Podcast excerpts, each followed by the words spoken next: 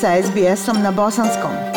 Pronađite još sjajnih priča na sbs.com.au kosacrta bosnijan.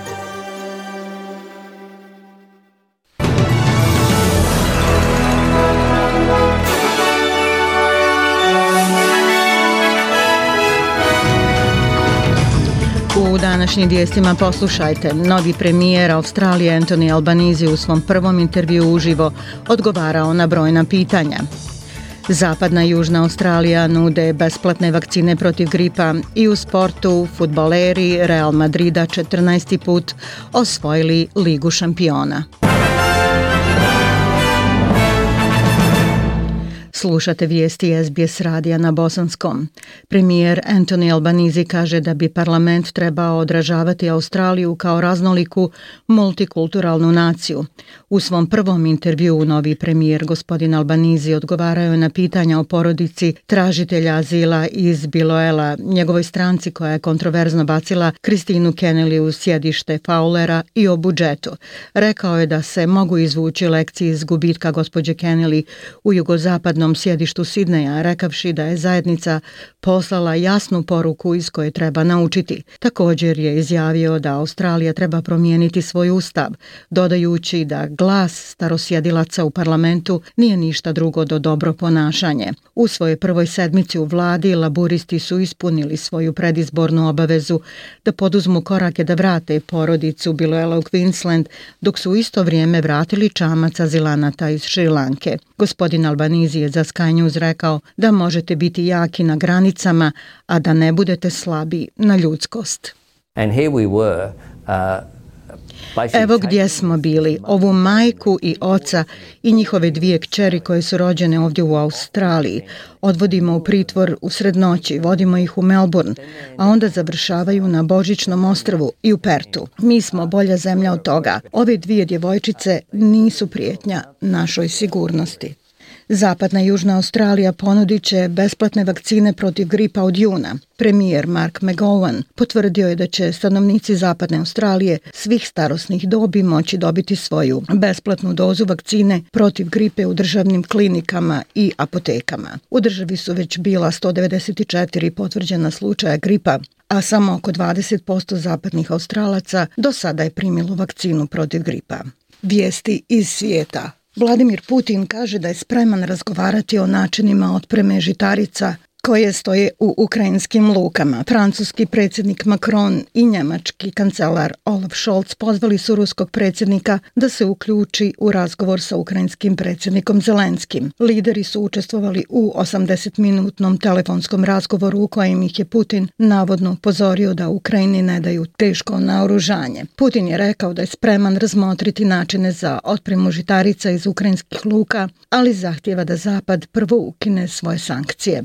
S druge strane, Šolci Macron su pozvali Putina da oslobodi 2500 ukrajinskih branilaca Čeličane Azovstal. Ukrajinski predsjednik Zelenski kaže da je situacija na istoku zemlje neopisivo teška jer Rusija intenzivira ofanzivu. U svom svakodnevnom obraćanju on je rekao da se Ukrajina koja radi na povećanju zaliha oružja približava tački u kojoj će nadmašiti Ruse i tehnološki i u smislu svoje sposobnosti za napad. The situation is very complicated. Especially in those areas in the Donbas and Kharkiv region where the Russian army je veoma komplikovana, posebno u onim oblastima u Donbasu i Harkovskoj oblasti gdje ruska vojska pokušava izvući bar neki rezultat za sebe. Ključna područja borbi Na prvoj liniji fronta su i dalje Sjeverodonjeck, Lisičansk, Bahmut, Popasna i drugi gradovi u kojima je fokusirana ruska ofanziva, ali naša odbrana se drži. Ruske snage pojačale su subotu svoj napad na ukrajinski grad Sjeverodonjeck nakon što su tvrdile da su zauzele obližnje željezničko čvorište Liman. Podpredsjednica Sjedinjenih država Kamala Harris kaže, navodimo, dosta je bilo kada je u pitanju nasilje oružjem. Harris je prisustvovala sahrani žrtava rasističkog napada na crnce u supermarketu u Buffalo. Pozvala je Kongres Amerike da djeluje. What happened here in Buffalo, in Texas, in Atlanta, in Orlando, Ono što se dogodilo ovdje u Buffalo, u Teksasu, u Atlanti, u Orlandu, šta se dogodilo u sinagogama, ovo je trenutak koji zahtjeva da svi dobri ljudi, svi ljudi koji vole Boga ustanu i kažu nećemo to više podnositi, dosta je bilo. Ujedinit ćemo se i nećemo dozvoliti ljudima koji su motivisani mržnjom da nas razdvoje ili učine da osjećamo strah. Najmanje 35 ljudi je izgubilo život uslijed obilnih padavina na sjeveroistoku Brazila. Ovo je četvrta velika poplava te južnoameričke države u posljednjih pet mjeseci. Kiše su izazvale klizišta koja su zbrisala gradske četvrti na padinama u državi Pernambuco. Brazilska federalna služba za hitne slučajeve u susjednoj državi Alagoas također je registrovala dva smrtna slučaja. U stampedu na crkvenoj dobrotvornoj akciji u Južnoj Nigeriji poginula je 31 osoba, uključujući trudnicu i nekoliko djece. Još sedam osoba je povrijeđeno. Prema policijskom izvještaju Stampedo je na događaju u subotu koji je organizovala Pentekostalna crkva King's Assembly uključivao ljude koji su došli na crkveni dobrotvorni program. Takvi događaji su uobičajeni u Nigeriji, najvećoj afričkoj zemlji gdje više od 80 miliona ljudi živi u siromaštvu. I jedna bolja vijest, komedija Trouga u tuge švedskog reditelja Rubena Oslunda osvojila je najprestižniju nagradu filmskog festivala u Kanu. Njegova društvena satira je osvojila Zlatnu palmu. Ovo je drugi put da je Oslund osvojio nagradu. Za BBC je rekao da mu je drago što je film odjeknuo kod publike. I feel happy, I feel happy, of course. Um, it's crazy. it's crazy. Um, Osjećam se srećno, to je ludo. Najsrećniji sam zato što smo htjeli da napravimo divlji zabavni film u kojem smo imali sadržaj za koji mislimo da je važan, o kojem bi publika trebalo da diskutuje, ali također i da se zabavi.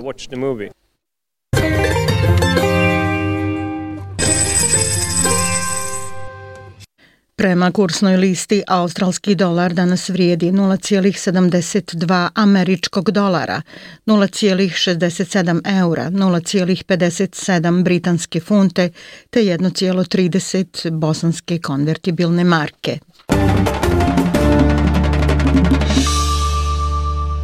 Real Madrid je pobjedio Liverpool sa 1 naprema 0 u finalu Lige šampiona u Parizu. To je rekordna 14. titula prvaka starog kontinenta. Ali slatka pobjeda nije bila bez smetnji. U oči utakmice policija je upotrijebila suzavac kako bi smirila navijače Liverpoola koji su čekali u dugim redovima ispred stadiona. Neki su pokušali da probiju obezbjeđenje. Na samo 40 minuta do početka utakmice mnogi su još čekali. Angela Murphy je navijačica Liverpoola koja je izdržala čekanje. What's happened? Been stood in this queue since quarter past six. I've got really bad asthma and I've Šta se dogodilo? Stajali smo na ovoj kapi od 6 i 15, imam tešku astmu i dva put su mi dali suzavac, zaista se borim. A šta je izazvalo suzavac? Ništa, ništa loše nismo uradili, ponašali smo se zaista dobro.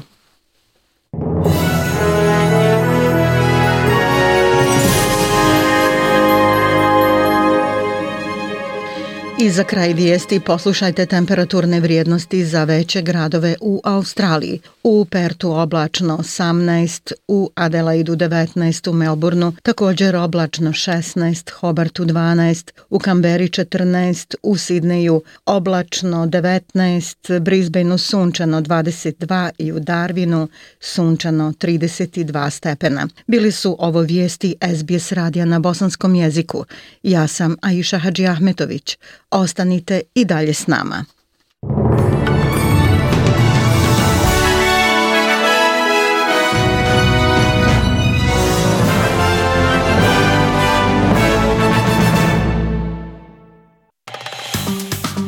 Like, share, comment. Pratite SBS Bosnian na Facebooku.